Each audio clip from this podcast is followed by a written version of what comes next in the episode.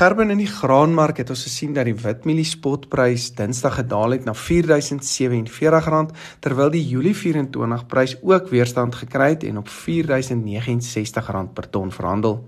Die geelmielie spotprys daal na R3875 terwyl die Julie 24 prys gedaal het na R3955 per ton. Die soja spotprys daal na R9135 met die Mei 24 prys ook laer op R8450 per ton. Die sonneblom spotprys daal na R8815 terwyl die Mei 24 prys daal na R8549 per ton. Daar is verseker nou twee verskillende markte om na te kyk met ou seisoen mielies en sojas wat nog ondersteuning het terwyl nuwe seisoenpryse steeds onder risiko geplaas word deur baie lae vraag wêreldwyd. Die daling in oliepryse laasweek het beklemtoon dat die vraag redelik laag is wêreldwyd en maak dit die mark oop vir 'n daling as daar meer sekerheid oor aanbod is. Gelukkig is daar steeds onsekerheid oor aanbod veral met Brasil wat nou onder warm en droë toestande gebuk gaan. Ek vermoed hulle gaan 'n teenoorgestelde tendens as ons volg in terme van reënval.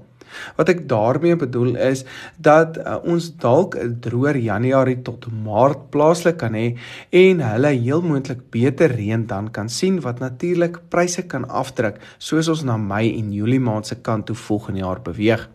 Ek dink dus dat Januarie en Februarie gebruik moet word om risiko uit die markte te haal, veral met die verkiesing wat kom wat ook natuurlik ons wisselkoers negatief kan beïnvloed.